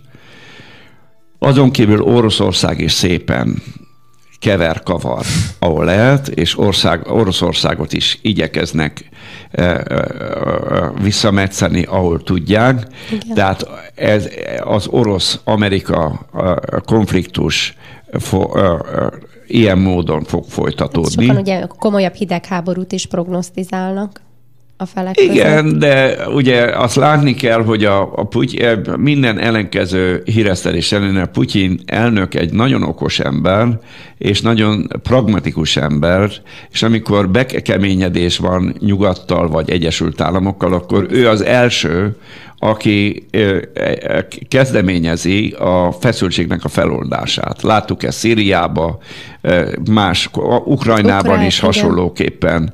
Tehát én azt gondolom, hogy Putyin úr mindent el fog követni, hogy katonai konfliktusra ne fogjon sor kerülni. Uh-huh. Egy, egy nagy veszély a Törökországnak a, a nyomulása, azt tartom a 2019 év, évben legaggasztóbbnak, és úgy látom, hogy Egyesült Államok is és Oroszország is bizonyos korlátok között ezt támogatja. Mert nem tudnak nyilvánvalóan közel-keleten egyedül olyan állapotokat kialakítani, amelyekre szükségük van. Viszont ezzel az a veszély fenyegeti, hogy Oroszországnak is és Egyesült Államoknak is a befolyása közel-keleten csökkenni fog a jövőben. Oroszországé kevésbé fog csökkenni, mert az Irán az egy stabil szövetségese. A Irak is ugye síták nagyon erősek, Szíria mindent Oroszországnak köszönhet, Libanonban is nagy az orosz befolyás, tehát inkább nagy veszteség ezen a területen Egyesült Államokat érheti, és ezért Egyesült Államoknak a fő feladata az, hogy Izraellel és Szaúd-Arábiával tudjon erősödni, kapcsolata, kapcsolata meg Egyiptommal ezek nagyon nagy kérdések. Uh-huh. Hát most jól felvázoltad a nemzetközi szinteret, és akkor azt mondod, hogy gyakorlatilag ebben az évben nem várható, hogy egy ilyen antikrisztusi birodalom kinővé, kinőne, illetve akkor uh, ilyen laza szövetségekben kell gondolkodni, de mégis honnan várod? Tehát ugye évtizedek óta találgatják a keresztények, hogy ez az antikrisztusi birodalom, és magának az antikrisztusnak a személy az vajon hova, hova központosulhat? Hát ugye egyre jobban erősödik bizonyos körökben a figyelem Európáról az iszlám világra hárul, hogy az iszlám világ, de én mondok én egy másikat, amit nem szabad figyelmen kívül hagyni, és azért nagyon sokat kell foglalkozni Kínával. Tehát sokan meg vannak róla győződve, például van egy ilyen irányzat, hogy a Góg Magog az nem más, mint Kína. És kétség kívül, hogy nem ismert a széles keresztény körben, hogy beszél a Biblia, Izaiás proféta konkrétan a kelet napjáról. Tehát amikor a keletről, a keleti szél, magyarban a keleti szél napja így jön le, de a kelet napjáról van az eredetiben, és köztudott, hogy közelkeleten a legveszélyesebb szél irá, irányvonala az a keleti szél. Hm. Tehát, és a keleti széllel kapcsolatos a hozzá összefüggésbe profécia, hogy úgymond Isten Eufrátésztől egészen Jeruzsál, Egyiptom patakjáig cséplést fog tartani. Tehát, és ott Eufrátésznak a kiszáradásával is összefüggésbe lehet hozni ezt az eseményt, és, és azt a 200 milliós hadsereget is, amely keletről jön, és igazából, ha csak a 16. fejezetet nézzük meg a jelenések könyvében, ez a keleti invázió megelőzi az Armagedont. Uh-huh. Az Armageddonba fog torkolni. Tehát például ezt is figyelembe kell venni, és ad egy bizonytalanságot ez is, uh-huh. hogy eddig Kínával nem számoltak úgy a Biblia kutatók, magyarázók, mint ahogy látható módon, meg azért alaposan megnézik a Bibliát, akkor ez benne van, sőt, még India is valószínűsíthető, mert nem nap, napkeleti királyok, vagy keleti királyokról van szó. Uh-huh. És keleti királyokat nem Perzsiát kell érteni alatta, hanem a római határon túli világot kell érteni, tehát itt két, a világ két legnépesebb országa India.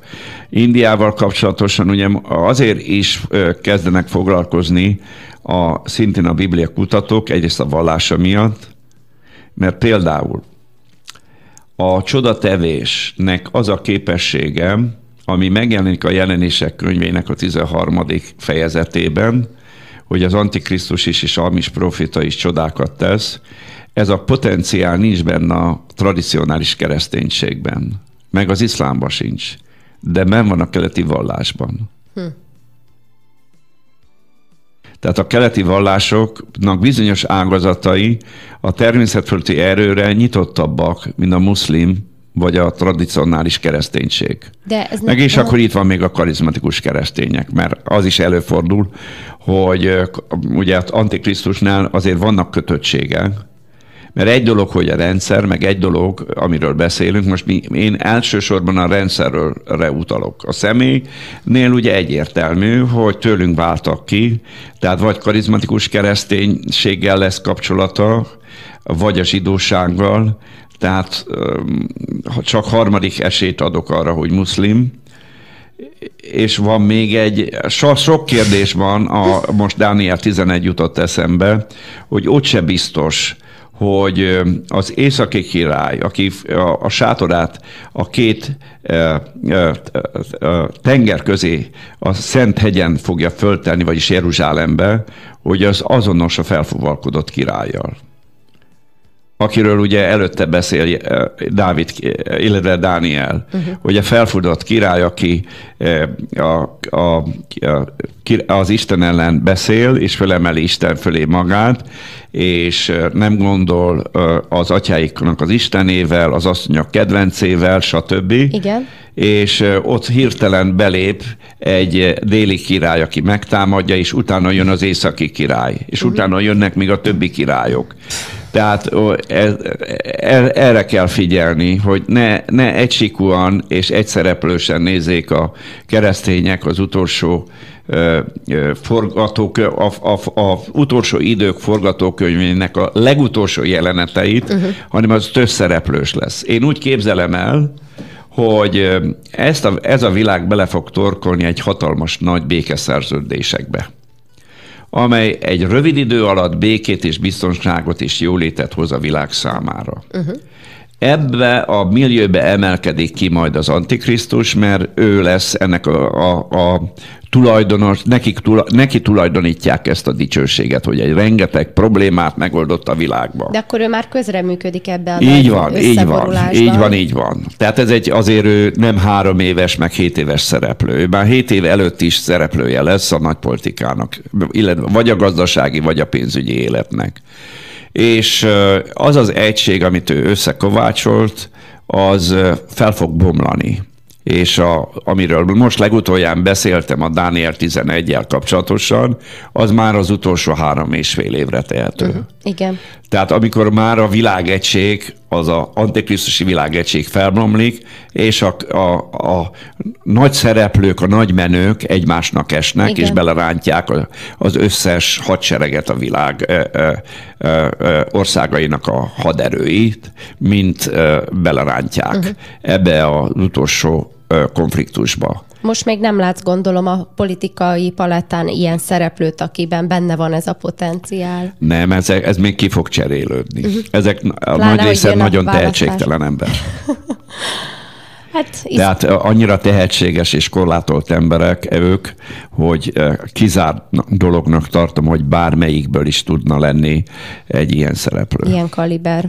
Tehát a, visszatérve, ráadásul ne felejtsék el, hogy nem csak politikai, gazdasági zsenialitással kell, fog rendelkezni az Antikrisztus, hanem csodatevő erővel is. Ja igen, amit mondtál, hogy azt meg lehet, hogy akkor a keleti És ugyanez a hamis proféta. Pápára, ugye mostani pápára ráfogják, hogy hamis proféta.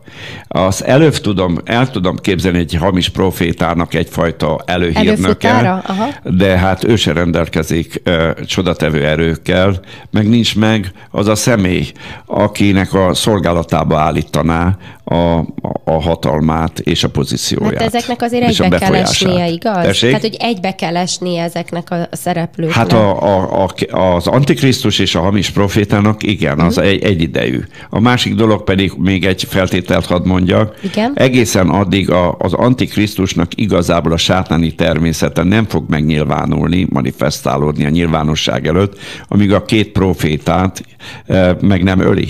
A, akik e, keresztelő Jánosként vagy Illés profétaként Jeruzsálembe fel fognak tűnni, és az ő szolgálatuk is több évre tehető. Nyilván három és fél év az, ami eh, centralizált, de előtte nyilván annak is lesznek előzményei, de nyilván nem lesznek olyan ismertek, de három és fél alatt eh, év, évig nagyon ismert személyek lesznek, közutálat tárgyát fogják képezni. Például őket se látom a szintéren. Még igen. Hú, hát nagyon izgalmasak ezek a kérdések tényleg, de jó ezen ö, gondolkozni. Lépjünk akkor tovább, még vannak kérdések, nem tudom, meddig bírod, mehetünk-e még tovább. Mondjam, igen. Jó, kedves Sándor Pásztor, vannak már olyan nemzetek, melyek spirituális szinten elveszettnek tekinthetőek, vagy van még értelme szellemi szinten harcolni olyan nemzetekért is, melyek első benyomásra menthetetlennek tűnnek. Nem tudom, milyen nemzetekre gondol a hallgató. Hát van ilyen sok, amire, amire gondolhat ő, de hát ugye ne felejtsük el, hogy Isten a bíró, e, és azt gondolom, hogy minden nemzetben vannak Istennek kiválasztottjai, de e, azt látni kell, hogy e, nemzeti szinten, tehát egy nemzeti közösség szintjén a mostani világkorszakba belépni az új szövetségben, ez szinte lehetetlenség. Tehát erre nincs reális lehetőség, legalábbis a ige, bibliai proféciák szerint. Egyetlen egy országnak van az utolsó pillanatban Izraelnek. Izrael, igen. Ennek a korszaknak ezért az, ez az egyik természetfölötti értelme, hogy egy nap alatt, ahogy mondja Izajás, hogy újjászületik egy nap alatt Izrael, Izrael igen, de ott is nem szabad elfeledkezni a keresztényeknek, és hát sajnálatos módon látom, hogy nem tud még sok hites disztingválni, hogy van egy természetes Izrael, zsidóság, és a természetes zsidóságon belül van egy spirituális, potenciálisan. Na most az a spirituális, aki természetes zsidó is természetesen, erről beszél a Biblia maradékról. Uh-huh. Igen. De ugye ebben is az van, hogy a, a, ebben a kérdésben is az húzódik meg, hogy az isteni, a, a, Istenek a szuverenitását messze menőkig tiszteletbe kell tartani, mert ő választ. Hogy egy természetes zsidó, zsidó bekerül-e a spirituális Izraelbe, vagy nem. Uh-huh.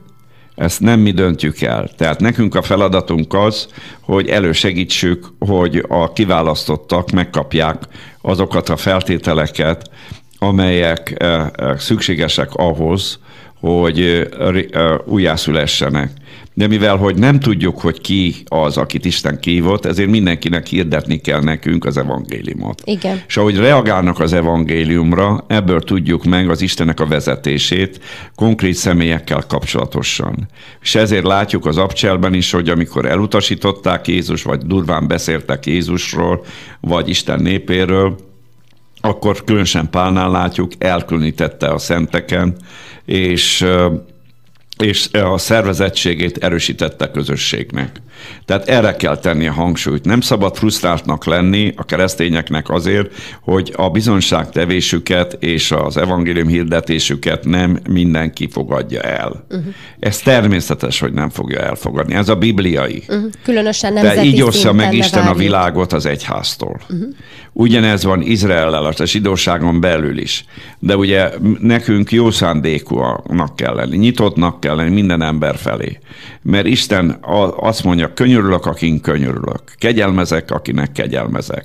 Tehát a döntési jog ezen a, ez, ebben a területen teljes mértékben Istené. Uh-huh. A nemzeti kérdésre visszatérve nyilván azért, hogy a nemzetünk fennmaradhasson, gondolom azért lehet imádkozni, vagy közben járni, mert ugye van ez az ígéret, hogy a... Imádkozáni is kell, de itt van ugye a nemzet fennmaradásához, hogy a kulcskérdés a vezetőkön van, hogy hogyan pozícionálják ezekben az időkben a nemzetüket. Önként lemondanak-e a nemzeti hatalomról, szuverenitásról, és átadják-e egy globális hatalomnak. Ugye ezt mondja a tíz királyról, hogy a tíz király önkénten, önkéntesen lemond a hatalmáról és átadja a világ vezetőjének a hatalmát. Na most e, ezért tartom helyesnek a mai magyar külpolitikát, hogy nem akarnak lemondani a mostani választott vezető kormánytagjai az országnak szöverintásáról, de ugyanakkor azt látom, hogy azokban a kérdésekben, amelyek úgymond euro, globális kérdések, tehát a több a világot, vagy pedig az európai országokat, minden országot érinti, abban a magyar kormány, a külpolitika aktívan részt vesz, és kifejti ebben a álláspontját is, de viszont itt is ugye úgy képviselik a nemzeti érde, úgy, úgy szólnak hozzá, hogy képviselik a nemzeti érdeket. Igen. Tehát nagyon nehéz ma a politikusoknak a, a helyzete, mert nincs, ostrom alatt állnak a, a, a globalisták részéről, és ezért nagyon fontos, hogy a társadalmi bázisukat és a, a, a támogatottságukat a keresztényeknek nem gyengíteni, alásni kell, hanem erősíteni. Ugyanakkor a keresztényeknek van a társadalomban a feladatuk, hogy a morális, spirituális értékek is széles társadalmi rétegben be tudjanak jutni, részévé tudjanak lenni a kultúrának, és a, ilyen módon a korrupciónak, a bűnözésnek a visszaszorítását kell elérni nyilvánvalóan. Uh-huh. Sok feladatunk van, de ez jó. Az Antikrisztus személye megiklette az egyik hallgatónkat. Azt kérdezi, hogy azt szeretném kérdezni, hogy elképzelhetetlen, hogy az Antikrisztus személye nem politikus, hanem tudós lesz, mintha a mai világban nagyobb hatása lenne az emberekre a tudományos felfedezéseknek. Nagyobb bizalommal vannak az emberek a tudósok iránt, mint a politikusok iránt iránt? írja a Hát hallgató. nem tudom, hogy ez, ez reális. Tiszteletbe tartom az álláspontját, véleményét, de én nem látom, hogy a tudománynak akkor a tekintélye tisztelete lenne, mint boldog az 50-es vagy a 60-as években. Hát a technológia tudományára. Az, nem, az teljesen nem tudomány, is. nem szeretném tudomány, hangsúlyozni. Tehát én, az, az már egy alkalmazása a tudománynak, és itt, ha multikra gondol, a illetve a tudósokra gondol, a tudósok hát alkalmazott emberek, uh-huh. és hát sok probléma van ezen a területen, nem önálló emberek ma már. Megveszik őket a multik. Uh-huh. Ugye most például napokban olvastam egy kimutatást, hogy az elmúlt években például az iszlám világ a legelitebb egyetemekbe több mint fél milliárd dollárt rakott be. Puh. 600 millió dollár uh-huh. rakott be, tehát az a probléma, hogy a multik, gazdag emberek vásárolják meg az egyetemeket, ha nem is az ő tulajdonokba kerül, de olyan támogatásban részesítik az egyetemeket, a multik, a globalista multik, meg az iszlám ország, hogy a tananyagra hatással hát ez van. szemléletmódosítás. Tehát én ezért nem gondolnám, hogy a, ebből a, a millióből ki tudna emelkedni olyan ember, a tudós, aki hatalomra tudna szertenni, Inkább azt gondolom, hogy az Antikrisztus valóban egy, biz- a, egy tudós típusú ember, tehát nagyon nagy tudású ember lesz, uh-huh. de azért mégsem nevezhető tudósnak. tudósnak. Mondjuk ilyen Mark Zuckerberg, meg ilyen alakok is eszébe jutnak az embernek, akik... De ők, ezek félművelt emberek, ezek nem tudós emberek. Hát még nem, de nem nőheti ki magát, szerinted? Hát egy ez ilyen egy, figura, megint, most nem egy, ő, nem, nem ő. Mondtam volna városi legenda, internet legendája, hamar le tudják őt is kapcsolni a jövőben. Uh-huh. Lehet. Nem ez tudom. nem olyan, nem, ez, ők, ez egy nagyon érdekes világ.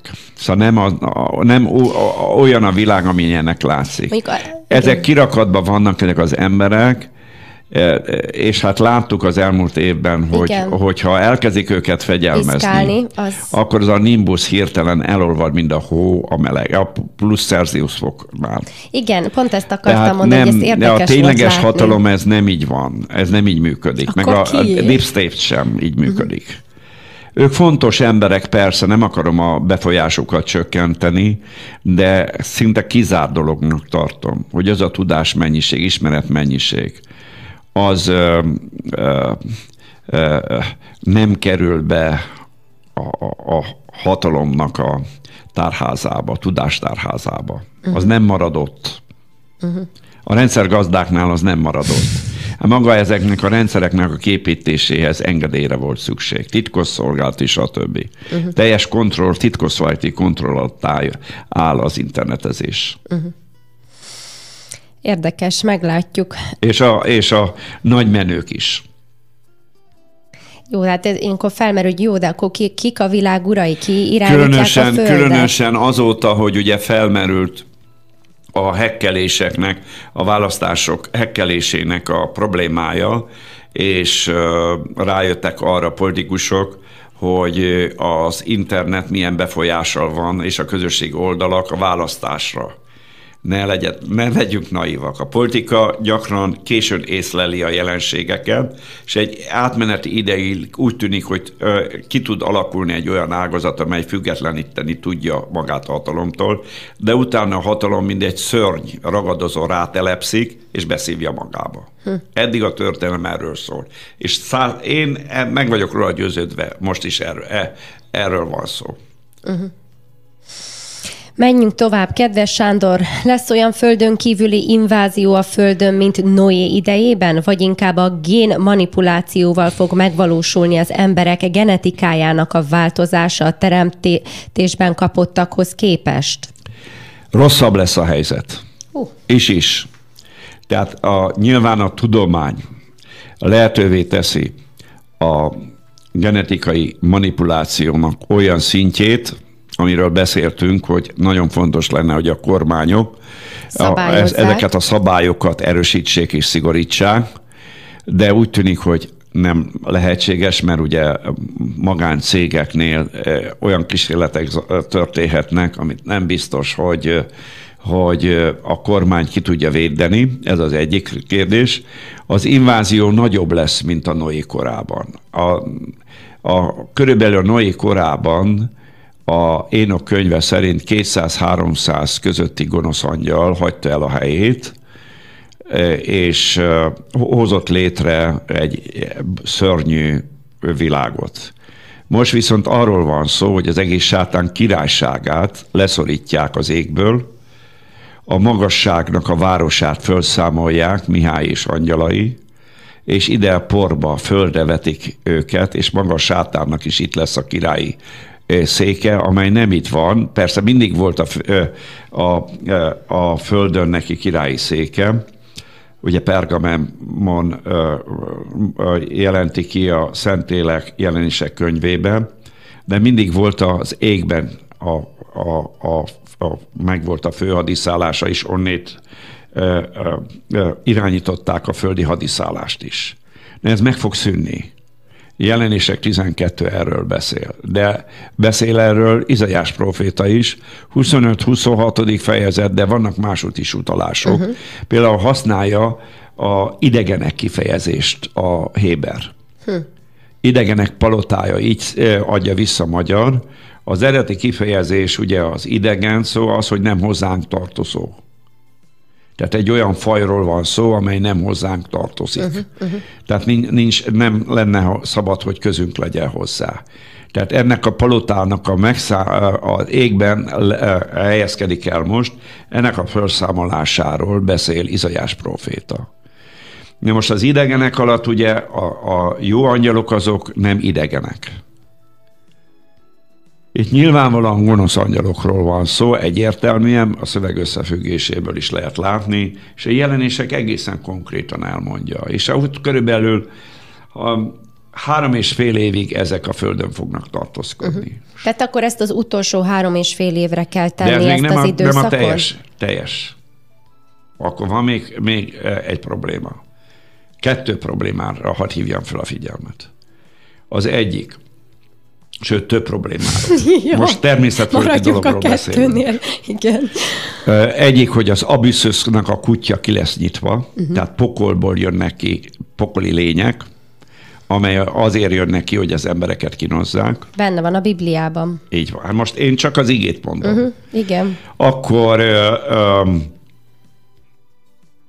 Eufrátesznél a négy megkötözött angyal el lesz olva Armageddon előtt, a világháború előtt, és amiről beszéltem, tehát, hogy a, mielőtt megtörténne a cséplés, érs alatta, tehát egy olyan világháború, aminek a fő frontvonala Eufrátésztől Egyiptomnak a patakjáig, de ez egész világot fogja érinteni, de ott vértenger, ott mészárlás lesz. Uff.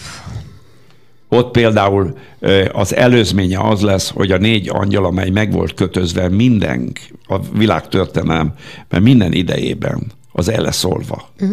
De ez csak természet fölötti szinten. Akkor várjál, Igen? van még a négy lovas amely közül ugye, ha pokol is az any, halálnak az angyalát veszük figyelembe csak, akkor még a másik kettőről nem beszéltünk, akkor és azt lehet látni, hogy soha nem volt akkor a hatalma az emberiség fölött a pokolnak és a halálnak, mint az utolsó években. Ezt beleértem a Noé korát is. Tehát most rossz a, a, ennek a korszaknak az utolsó három és fél éve az minden szempontból rosszabb, sötétebb lesz, mint a Noé korszaka. Uh-huh, uh-huh. Ezért mondja Jézus, csak a választottak miatt fog megrövidítetni, vagyis mit jelent ez a kijelentés, hogy az emberiség elpusztulna, ha, ha nem rövidítené meg az Úr Izrael miatt. Uh-huh. Elsősorban. Mert az egyház már a mennybe lesz, reménységem szerint. Hát így legyen. Tehát az egyház nyilvánvalóan föntartaná az a új ádámi te, nemnek a, a fönnmaradását, de viszont Istennek egy nagyobb terve van a nemzetekkel kapcsolatosan, a nemzetek maradéka. Az egyértelműen azért tud megtörténni, mert Izraelnek a nemzeti újjászületése az utolsó pillanatban a ennek a három és fél évnek az utolsó időszakában, de nagyon-nagyon drámai események után és tragikus események után meg fog történni, és közvetlenül Jézus Krisztusnak a visszajövetelével van ez összefüggésben állítva. Hm. Tehát akkor ez a nagy földön kívüli invázió, ez a nagy nyomorúság időszakára tehető, viszont de mellett... igen, a, a csúcspontja. De, már de ez nem azt jelenti, is. hogy Aha. már nincsen. Akár már napjainkban? Igen. Mire gondolsz? Hát látogatásokra. Uh-huh. Mert hát nyilvánvalóan, ahogy, ahogy mi beszélünk róla, ahogy mi beszélünk róla, és amilyen sok könyv íródik erről, ha a sátán eddig nem látott bele az Istennek a tervébe, akkor egyszerűen, hát intelligens lényről beszélünk, a sátán és a gonosz angyalokkal kapcsolatosan, vagy démonokkal kapcsolatosan, és hát nagyon sok sátán szolgája van, a kígyó magjai jelen vannak a Földön. Varázslók, boszorkányok, politikai vezetők formájában, uh-huh. akiknek kap, kap, kapcsolatuk van a természet fölötti világgal. De akkor ne ilyen látogatásokra Tehát, gondoljunk, hogy a zöldfejű UFO lény idejön, és... Ezeket se lehet kizárni. Abszolút nem lehet kizárni. Tehát aki ezt kizárni, az, az egyszerűen nincs tisztában azzal, a lehetőségekkel, amit a bibliai világnézet képvisel. Tehát én nem tudom, mert nem láttam soha ilyen, nem is akarok, de én a lehetőséget egyáltalán nem zárom nem ki. Nem is ki. akarok babonásan uh-huh. hinni, nem vagyok ufóívő, de amikor ilyenről hallok, a nagy része biztos, hogy hazugság és kamu, de a maga a lehetőség, uh-huh. Annak az, van alapja. A Biblia világnézet alapján igen, uh-huh. megvan. És ezek a lények, ezek egyértelműen akkor rossz, gonosz lények lehetnek. Hát nézd, most akkor maradjunk a Noé korához. Jared idejében szálltak le gonosz angyalok. A, és igazából állítom neked, hogy az első évtizedekben kevesen észlelték ezt. Hm, érdekes. Mert ugye volt terhességi idő a nőknél akkor akik megszülettek a gyerekeknél, azok a gyerekek alá voltak rendelve a fejlődésnek. Bár bizonyos görög legendák utalnak arra, hogy a gyerekek, ahogy megszülettek, például Tolva Istene azonnal elment lopni. hogy kijött, a, a, kijött az anyjának a méhéből. A három Tehát ezt csak azért mondom, ezt kér. azért mondom, mert e- a fantázia miatt, hogy el tudom képzelni, hogy amikor egy gonosz angyal összeházasodik egy nővel, akkor, akkor természetesen eh, születhetnek olyan gyerekek, hogy egyből beszélnek és értelmesek. Uh-huh. Tehát más a, a fejlődési menetrendjük, állomásuk, mint egy normális gyereknek. Igen. Tehát ilyenek már, ilyeneknek a lehetőségét már nem lehet kizárni. Uh-huh.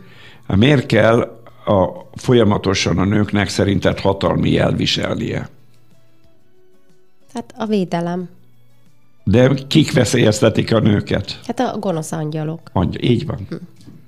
Ez Pálapostól is ugye mondja, Így hogy van. fedjük be a fejünket. Tehát e- ez, a, ez azt bizonyítja, hogy sajnos a lehetősége megvan annak, bár mindenkorban megvolt, hogy ilyen kap, kontaktusok létrejöjjenek. Ezért fontos a, a tekintély a házasságban, családban, és hát ma egy, egy feminista világban, kultúrában, hála Istennek Magyarországon azért ez nem annyira van jelen, ilyenek előfordulnak.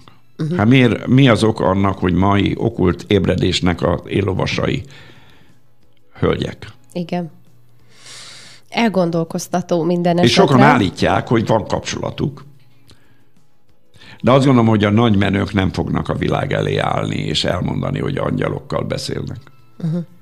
De ha elolvasod a, a New Age mozgalom történetét, vagy akár a teozófia kialakulását, hogy hogy alakult ki, Hát el kell, hogy valami legyen, kell, hogy legyen benne, mert ezeknek a hölgyeknek, meg férfiak is vannak közöttük, a tömeg befolyása olyan nagy lett, hogy nehezen tudom elképzelni, hogy gy- gyakorlatilag laikus emberek ekkora ö, ö, ö, hatással tudtak lenni a világkultúrával, kultúrára, mint amilyen lettek. De mi, nagy része Luciferrel való találkozásra hivatkozik. És akkor a génmanipulációról még nem beszéltünk, illetve utaltál rá, hogy az, De, ezen a téren ugye, is hát egy ez, nagy ez, ez, ez, liberalizáció ez, ez várható. sajnálatos módon ugye ennek megvan megint az előzménye, a nácik ugye ezzel már kísérleteztek, Amerikában is voltak ilyen kísérletek, megy a nemzetközi szinten a csatározás, hogy ezt a kormányoknak szigorítani kellene, ENSZ-nek például ezzel kellene foglalkoznia, hogy ez ne történjen meg, de vészjósló számomra, Economistnak a címoldala, uh-huh. hogy hozza a gyereket pólyába, és a pólyán rajta van a vonalkód. Tényleg. Aha. Ami azt jelenti, hogy a gyerek vagy áru, vagy csinálják mind a, mind a terméket. Hm. Mind egy ipari terméket. Designer bébiket. Mehetünk tovább, még Hogy van nem, egy pár menjünk. kérdés. van egy nagyon kis aranyos kérdésünk. Tisztelt Sándor Pásztor, a felvázolt világ és országos helyzet fényében érdemes vidéken házat venni? Igen. Sőt, nagyobb az esélye annak, hogy, hogy a, mobili, a mobil, mobilisabb emberek több kis kaput tudnak találni, mint olyan emberek, akik ilyen mechanikusan beépülnek egy, mereven egy rendszerbe. Tehát ö, minden szempontból. Jó befektetés. Jó befektetés is, befektetés is természet. Hát ugye maga az árukereskedelem, árucsere, mert ugye készpénzzel valószínű, hogy a keresztények nem fognak rendelkezni. Legalábbis az elején már ez megjelenik. De az elején biztos vagyok benne, hogy mi ebbe bele fogunk valamikor ö, pottyanni, de akkor még az első fázisában nem lesz hozzá kapcsolva az Antikrisztus imádása. Uh-huh. Tehát akkor még nem, hogy mondjam, üdvösségi kérdés. De a, kérd, a probléma az ezzel, és az a fő kérdés, hogyha ebben a fázisban már ben van-e, az, ben van az, e valaki, hogyan tud belőle kijönni. Nyilván az elragadtatás az, figyelembe kell venni, és nagyon érzékeny erkölcsi értékítélő képességekkel rendelkezik minden kereszténynek, meg a Szentlélek vezetése alapján, hogy ebbe a, a pénz átalakításnak a folyamába meddig megy a világgal. Uh-huh. És Viszont, mi ez a pont, amikor már... Amikor, amikor arra kell tenni a hangsúlyt például, hogy vidéken veszek egy kis házat, legyen egy kis földterületem. Uh-huh. És önfenntartóvá válok De tudja, tulajdonképpen. Paprika, nem mindent a piacról vegyek meg. Legyenek olyan barátaim, akivel ki tudjuk cserélni a, a, az áruinkat, uh-huh, uh-huh. tudok adni neki kecske sajtot, ő tud adni bőrt, amiből, vagy szövetet, amiből ruhát tudok varni magamnak, stb. Ez a világ vár a kereszténységre, szerinted? Azt gondolom, a, a választ szóval kapcsolatosan akarok gondolkodni, és eszembe jutott egy izraeli jelenet. Hogy képzeld el, amikor jártam Silóba, nem legutoljára, nem előtte, azt láttam, hogy vallásos idős hölgyek tanítják a gyerekeket ezekre a régi munkákra. Uh-huh. Hogy kell szőni, fonalat készíteni növényekből. És akkor láttam azt, hogy ez tulajdonképpen nem is butaság ezt újra megtanulni. Nem azt mondom, hogy ezt kell csinálni, de azért nem baj, hogyha ezeket az ősi tudományokat az emberek nem felejtik el. Uh-huh. Hogy hogy kell például lisztből kenyeret csinálni, uh-huh élelmiszert előállítani, gyümölcsből befőteket csinálni, uh-huh. akkor pulóvert csinálni a gyerekeknek. Tehát ezt láttam, Sürgősen hogy erre be kell iratkozni egy varró tanfolyamra. Ortodoxok oktatták a, a gyerekeket, és azt láttam, hogy, hogy óriási volt az izraeli gyerekek kör, körében az érdeklődés. Telepesek voltak ezek, el mhm. kell, hogy mondjam. Hát és azt gondolom, hogy nagy éles látás volt. Oda kell figyelni. Gyakran ők előre jelzik, mind a fecske és a gólya, hogy milyen időjárás jön. Hm. Évszakváltás van. Érdekes. Hát elgondolkoztató. Még egy más jellegű kérdést itt ide a végére beékelnék. Várható-e bármilyen hídgyülekezetével kapcsolatos újdonság 2019-ben programok, építkezés, igehirdetés terén? Hát a szellem az újdonság, szellem újdonságába kell szolgálni mindig, erre fogok törekedni 2019 esztendőben is. Nagyon köszönöm a testvéreknek a tavalyi évi támogatását, évvégi támogatásokat is, bizdításokat, bátorításokat is, imákat, és fontos természetesen, hogy az egész, a fizikai állapotom is olyan legyen, hogy tudja végezni a szolgálatot, meg a gyülekezetnek a szervezeti szintjét feltétlenül meg kell erősíteni. Ha szervezet egysége gyülekezetnek megerősödik, akkor sokkal hatékonyabban fog tudni tevékenykedni, és nem tudom, hogy ezen a területen vannak olyan, olyan vallási tradíciót kell győzni a gyülekezetnek, vezetőinek, akik a szervezettség ellen hatnak. De mert alapvetően ugye különösen a evangéliumi keresztény körökben az intézmény ellenesség erős de éppen ez a kor azt mutatja, hogy a szervezettséggel nő, növelni lehet a spirituális erőt is. Persze, ha jól használják, akkor nagyon hatékonyan lehet. Most nem akarok ebben részletesen belemenni, tehát ez mindenféleképpen a így gyülekezetében nagyon fontos lenne elérni. Ezen kívül vá- nagyon várom, hogy ebben az évben a Diska Majornak a, a építkezése egy olyan ha nem is százszázalékosan, de, de olyan szintre jusson, hogy birtokba lehessen venni, és tudjunk ott ünnepelni, és elinduljon abban az intézményben olyan munka, ami a gyülekezetnek a szellemi erkölcsi és szervezettségére is nagyon-nagyon fontos hatással lesz, megújító hatással lesz. És nyilvánvalóan biztos vagyok benne, hogy lesznek újdonságok ebben az évben. Még egy kérdést, akkor mikor lesz női alkalom? Kérdezi. Milyen? Mikor lesz női alkalom? Hát ez is egy újdonsága lesz a 2019-es esztendőnek. Ezt majd egy női vendégednek tett fel. Igen, akit én, már többször Én nem tudok tartani női alkalmat. Bár tudnék. Hát csak, ja. Csak hát annyi nővel egyedül. Kimenekülnél. Nem menekülnék, én nagyon kedves és, és, és nem félő hölgyek vannak a így gyülekezetében. Nagy áldások a gyülekezetben. Igen. Jó, hát nagyon szépen köszönjük, Sándor, hogy itt voltál, és két órát ránk szántál, illetve a hallgatókra is válaszoltál a kérdésekre. Jó, tömény, velős két óra van mögöttünk, azt gondolom nagyon inspiratív volt, és érdemes ezeken elgondolkozni, amiket mondtál. Hát, ha így látják a, a hallgatók is, akkor nagyon örülök annak, hogy mert az a célom, hogy segítsek a testvéreimnek, embertársaimnak, nem, mint mondtam, nem a önkifejezés motivál engemet, hanem szeretnék térképet, uh-huh. iránytűt mutatni, azt a bibliai ismeretet, amit évtizedeken keresztül összegyűjtöttem, meg szellemi látásokat uh-huh. szeretném megosztani hogy az úrban való járás útjában ne legyenek akadályok, vagy uh-huh. kevesebb akadály legyen, illetve ami van, azt le tudják győzni hitáltal. Uh-huh. Amen, így legyen. Még egy záró kérdést egyébként a szellemedben szoktad érezni így az évnek a, a dolgait, kihívásait így előre, ilyenkor?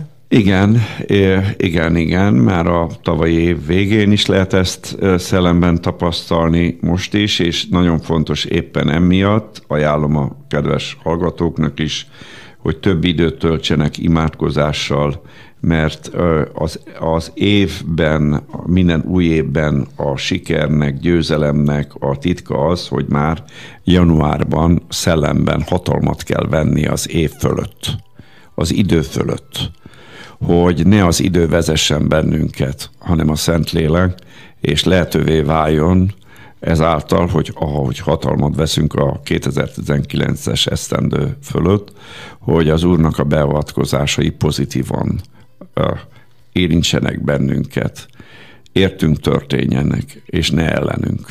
Így legyen. Zárjuk akkor ezt a beszélgetést is egy imával. Mennyi atyám, a názáreti Jézus Krisztus nevében köszönöm neked a te fiadat, Jézus Krisztusnak az engesztelő áldozatát, a föltámadását, megdicsőülését, és nagyon-nagyon nagy örömmel nézünk a mennyekbe, hogy ott van a mi engesztelésünknek a vére, a kegyelemnek a fedelén, és ez a vér által tartozunk a, a hozzád, atyám, és bocsátottad meg a bűneinket, vétkeinket. Ezt a kérem, hogy ez a, a vérrel hízs meg a kedves hallgatókat, és tisztíts meg a szívüket, lelküket, elméjüket, akaratukat, szented meg őket, hogy a való valóságos, személyes közösségben, kapcsolatban lépjenek, éljenek te veled, és könyör, külön könyörgök azokért, akiknek nincs meg ez a személyes közösség, hogy szóljál a szívükhöz, hogy befogadjanak tégedet, megváltójuknak, szabadítójuknak és gyógyítójuknak is oda szenteljék az életüket. Adjál, Uram, bölcs szívet mindenkinek, hogy a hátralevő időket bölcsen használják föl, jó sáfárai legyenek az életidejéknek, ne el eltékozolják, hanem a te dicsőségedre tudják használni. Áld meg, Uram, a híd gyülekezeteit mindenhol, adjál minden területen megújít, megújulást, spirituális, szellemi, anyagi területen, emberbaráti, testvéri kapcsolatokat újíts meg, valamint a gyülekezetnek a szervezettségében is adjál egy áttörést, megújulást, hogy az is az Isten szellemének az uralma alatt álljon, és Isten céljait szolgálja. Áld meg a hitrádiót, Uram, hogy a 2019-es esztendő a Rádió számára egy nagy áttörésnek az éve legyen, és tudja növelni a hallgatóinak a létszámát, befolyásá tudja növekedni a magyar társadalomban.